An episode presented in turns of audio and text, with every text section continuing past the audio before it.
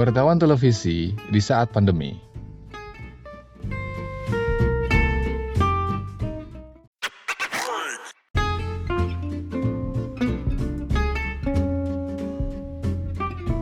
Halo, selamat malam Rio. Malam Mas Andi. Apa kabar? Baik-baik saja. Puji Tuhan, Alhamdulillah sehat. Perkenalkan teman-teman, Rio ini adalah salah satu jurnalis televisi di Jakarta. Kenapa saya tertarik ngobrol sama dia?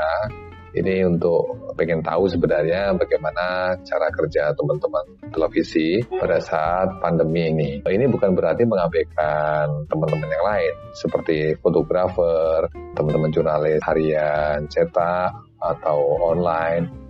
Semua punya risiko yang sama di uh, pandemi ini. Uh, kali ini saya ingin khusus ngomong tentang bagaimana cara teman-teman jurnalis televisi bekerja pada saat pandemi. Uh, ini ada alasannya karena belakangan ini muncul kasus-kasus baru di kantor-kantor media televisi. Makanya menarik kiranya untuk membicarakan teman-teman televisi kerjanya seperti apa. Jadi begini Rio, sebenarnya bagaimana keseharian kerja teman-teman televisi? Apakah mereka tetap bekerja normal seperti biasa sebelum pandemi atau ada hal-hal baru? Silakan Rio. Oke Mas, mungkin untuk cerita mengenai pekerjaan TV ya untuk enam bulan terakhir ini kita yeah. bisa bagi dua sih sebenarnya tiga bulan pertama pada waktu COVID pertama kali mulai ya Yeah. Itu kami semua dibayang-bayangi perasaan yang tidak menentu ya. Bahkan di kantor pun hanya setengahnya lah yang kerja. Tiga bulan segala, pertama. Dengan okay. segala aturan ya, yang rumahnya di mana harus dijemput. Mm -hmm menggunakan kendaraan umum harus daftar, siapa saja yang menggunakan kendaraan umum itu semua dipantau. Setelah perkembangan berjalan, kami mulai sebulan pertama kami mulai diberikan uh, disinfektan gratis dari kantor, diberikan face shield, diberikan masker gratis, hmm. kemudian lanjut lagi dengan vitamin yang diberikan sampai akhirnya buah-buahan juga diberikan untuk menguatkan imun. Namun semua berjalan sampai tiga bulan lebih. Kita tahu PSBB berubah status, makin ke sini makin berubah status sehingga kebijakan kantor pun mengikuti dengan kebijakan yang diberikan oleh pemerintah. Kalau nggak salah di hmm. awal Juni, teman-teman hmm. juga melonggarkan aktivitas ya sebelumnya yang agak membatasi diri sekarang ketika awal Juni ikut me longgarkan aktivitas mereka. Iya betul mas, itu okay. masuk ke dalam jumlah hari yang kita masuk juga ya kerjaan. Hmm. Hmm. Dan seperti yang mungkin teman-teman perlu tahu ya, bedanya kami, ya memang tidak ada bedanya, kami sama-sama mencari berita. Hmm. Namun kalau televisi ada hal-hal yang tertentu yang tidak bisa ditinggalkan atau kan atau dikerjakan di rumah. Oke okay, oke. Okay. Misalkan apa ya? Jadi misalkan kita liputan COVID itu kan sekarang sudah mulai ada streaming, ada Zoom. Itu uh. untuk tema COVID kita agak lumayan aman lah ya. Okay. Tapi untuk tema-tema tertentu yang tidak bisa melakukan Zoom ataupun kami nih di luar TV berita. Selain tampilan TV itu harus ada uh, pemberita berita yang uh, update, tapi juga ada berita uh, yang side story ya. Banyak kan harus tetap turun ke lapangan. Nah hal-hal seperti ini mas yang tidak bisa dihindari sampai sekarang kan ganjil genap memang bisa kita pantau dari informasinya dari media ataupun dari online streaming. Tapi kalau kondisi lapangannya kita harus turun ke lapangan, tetap harus bertanya apa saja yang mereka uh, alami, baik pengendara, polisi, itu hal-hal okay. tersebut kan tidak bisa dihindari. Dan setelah liputan itu, kami harus uh, mengembalikan materi ke kantor dengan segala protokol yang ada, misalkan pembatasan uh, gerak dari jurnalis yang di lapangan menuju ke kantor. Yeah. Itu memang sudah ada. Hmm. Namun ada kalanya dengan perbedaan shifting pekerjaan dari berbagai misalkan orang kantor itu ada yang engagement yang memasukkan gambar yeah. itu ada silang uh, ini ya waktu kerja mau nggak mau mereka harus uh, naik langsung ke arah redaksi untuk menyetor gambar Hmm. Dan hal, hal seperti ini kan kecil ya, terlihat yeah, yeah, kecil yeah. tapi menjadi celah untuk teman-teman. Uh, alat-alat yang dipakai teman-teman seperti kamera, kemudian mobil, itu kadang-kadang terpaksa harus sharing atau gimana? Terkait dengan alat, kita mempunyai hampir 20 kamera. Dari 20 kamera tersebut memang tidak keluar bersamaan, tapi ada kalanya uh, sesuai dengan permintaan liputan, kamera itu keluar semua. Oke. Okay. Nah, setelah pengeluaran kamera itu kan pasti ada yang berbeda divisi. Yeah. Itu pemantauannya sangat tergantung dari pengguna masing-masing. Hmm. Dan juga memang kita punya kontrol juga Mas di sini. Hmm. Namanya Cam Store. Hmm. Setiap alat yang masuk dari luar itu pasti akan dibersihkan secara secara mandiri. Oke. Okay. Namun sampai kapan? Karena gini, kalau di kantor saya memang provide terus, provide terus. Cuma sampai kapan itu akan dilakukan? Okay. Karena saya memantau sih sepertinya dari penyediaan disinfektan dan lain-lain memang masih dilakukan.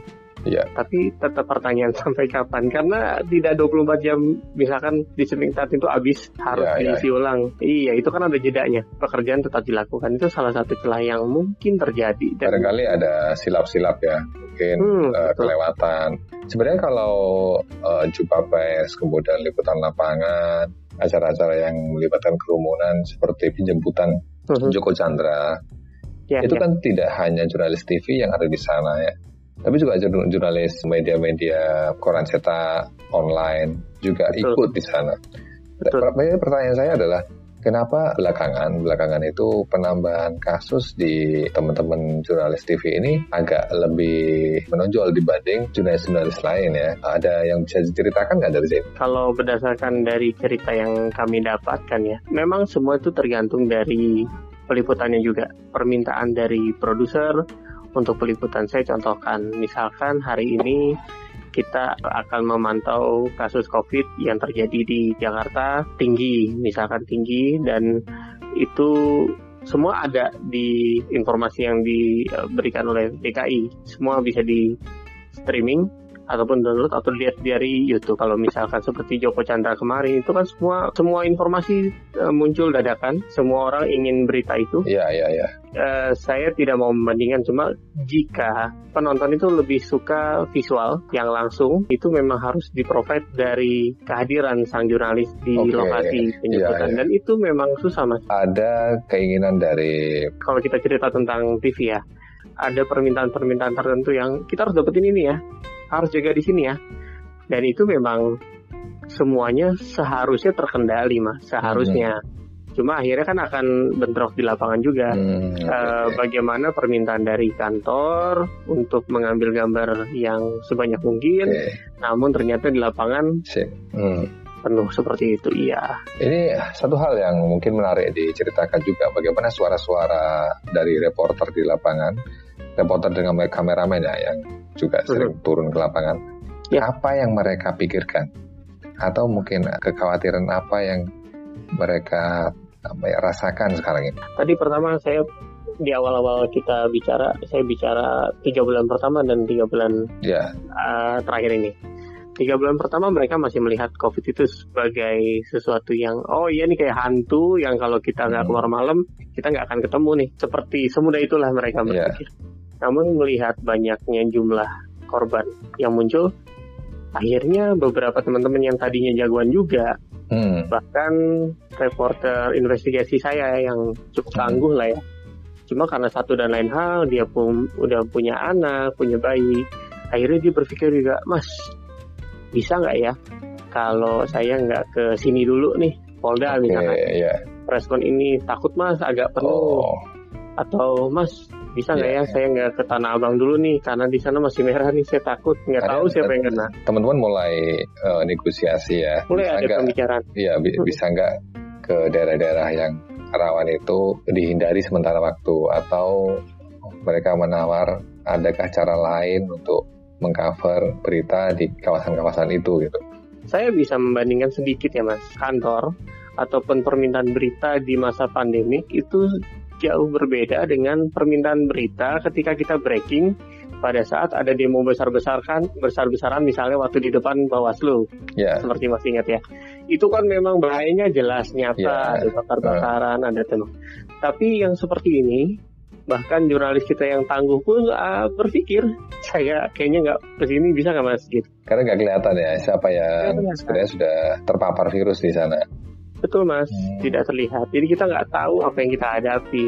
walaupun setiap hari dalam proyeksi yang kami berikan kepada teman-teman selalu ada not merah bold kita pertegas awasi jarak. Misalkan kami sudah membuat SOP, jika terpaksa doorstop tune pun itu jarak antara si uh, pembicara narasumber sama mic yang dipegang itu harus 2 meter. Kita tidak bisa tahu ya gimana di lapangan. Kita sudah me, kita sudah meminta mereka untuk tetap pakai masker, tetap pakai face shield. Hmm. Tapi kita nggak tahu juga nanti di lapangan bertemu siapa mereka. Mereka pun lengah ketika mau istirahat makan. Itu pasti ada kelengahan-kelengahan itu yang membuat mereka agak akhirnya curiga masing-masing. Oke, okay. jadi kita bicara umum ya dari curhatan teman-teman di lapangan. Apakah bos-bos mereka di apa di kantor masing-masing ini cukup memberi perlindungan kepada mereka ketika mereka bekerja di lapangan. Ya, menarik menarik. Perlindungan ini memang bertahap sekali ya Mas yang seperti yang tadi saya bilang. Awalnya kita memang oh selama kamu pakai masker, pakai face shield, insya Allah kamu aman. Hmm. Tapi ternyata semakin ke sini kan agak berbeda nih dan okay. perlakuan terhadap Siap. perlakuan terhadap hal, hal seperti ini juga akan berbeda. Misalkan kemarin uh, saya tidak akan bicara, saya hanya bicara lokasinya, tapi tidak bicara media mana yang kena di lingkar bahkan di lingkar nomor satu pun ada yang kena kan jurnalis sebuah TV. Okay. Nah perlakuan apa yang kita lakukan kepada teman-teman yang bertemu dengan jurnalis tersebut? Kami dengan amat terpaksa meminta mereka untuk isolasi mandiri selama tiga hari awal sambil mencari swab test. Kami carikan swab test, kami daftarkan dan kami minta mereka ikuti dan baru setelah keluar medis pun hasilnya hmm. kita mereka kita minta mereka minimal satu minggu di rumah dulu.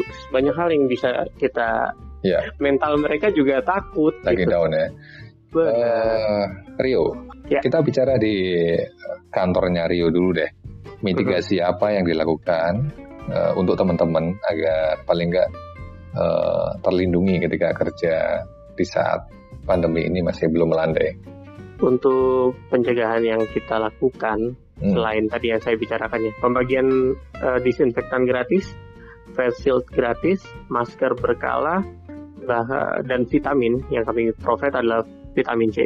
Ya. Dan sempat kami juga menyediakan buah-buahan karena kita nggak tahu ya ini apa sih penyebab awal dan semuanya okay. kan kita yang penting imun dulu kita masih kita berikan.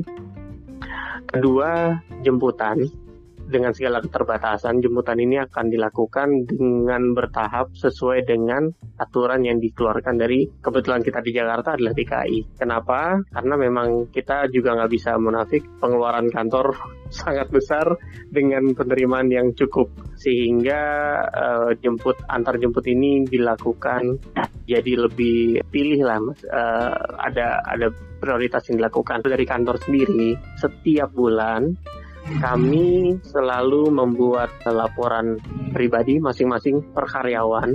Yang kita butuhkan adalah kejujuran mereka, ya. apa yang mereka lakukan dalam waktu sebulan ini, apakah sakit, apakah ini, apakah okay, ini, okay. ini, ini, ini, dan itu dikeluarkan oleh HRD. Itu juga menjadi salah satu faktor mitigasi kami juga untuk si karyawan maupun ya. untuk kantor. Kantor apakah meminta menganjurkan setengah mewajibkan gitu kepada karyawan untuk membuat catatan pribadi? Misalkan ya, eh, harian dia meliput apa, dia ketemu siapa. Kalau harian itu kami kan punya koordinator liputan dan itu tersedia 24 jam. Oke. Okay. Ketika ada tim liputan yang di lapangan, koordinator tersebut kewajibannya adalah cari tahu dia di mana, okay. sudah kembali atau tidak, bertemu siapa saja, dan itu biasa dilaporkan dalam berita yang mereka kirimkan melalui email. Yang satu lagi yang tadi saya bicarakan adalah yang dari laporan tertulis yeah. per bulan. Nah, kalau laporan tertulis per bulan itu jika ditemukan ada yang wah ini orang sering naik okay. transportasi umum nih, oh ini sering naik kereta, oh ini udah mulai pilek nih, Siap. ditelepon mas, hmm. ditelepon, ditelepon, okay Mas uh, sakitnya sejak kapan gini-gini? Kalau bisa tiga hari di rumah dulu ya, selalu begitu. Oke, okay. uh, eh, Rio bisakah membuat closing statement untuk teman-teman agar mereka bisa memberi pelajaran paling nggak bekal kepada teman-teman di lapangan untuk bekerja dengan aman. Apa yang saya dengar dari teman-teman di bawah ya. Yo. Jadi intinya yang saya ingin sharing adalah ketika teman-teman merasa aman dengan apa yang dilakukan setiap hari, yaitu menggunakan masker, menggunakan face shield, lalu menjaga jarak, itu akan menjadi sia-sia jika teman-teman tidak menceritakan kondisi di lapangan seperti apa. Karena contohnya misalkan ada liputan yang di dalam lokasi tersebut ternyata ada puluhan jurnalis yang berkumpul di tempat kami. Okay. Kami memberikan kebijakan jika seperti itu, fotolah lokasi itu. Yeah. Fotolah biar kami dari kantor akan memberikan keputusan apakah liputan itu dapat dilanjutin atau kita akan melakukan hal lain. Informasi yang lengkap kepada kantor itu cukup membantu hmm. teman-teman keputusan apa yang akan diambil oleh kantor terkait agenda-agenda liputan berikutnya. Apakah begitu? Betul mas, betul mas. Karena kita sadar betul bahwa jika informasi itu bisa kita dengan kondisi pandemi ini, kita bisa relay, kita bisa ulang kejadian tersebut atau wawancara tersebut karena tidak ada yang lebih penting dibandingkan dengan nyawa manusia pada saat ini. Tidak ada berita seharga nyawa. Tidak ada berita seharga nyawa dan itu sangat tergantung dengan teman-teman jujur dan berkomunikasi dengan tim di kantor dan lapangan. Itu siap, siap. penting. Rio, saya kira itu dulu obrolan kita sekarang. Semoga bermanfaat untuk teman-teman yang mendengarkan. Siap, Mas. Sampai ketemu di lain kesempatan, Rio. Sama-sama, Mas.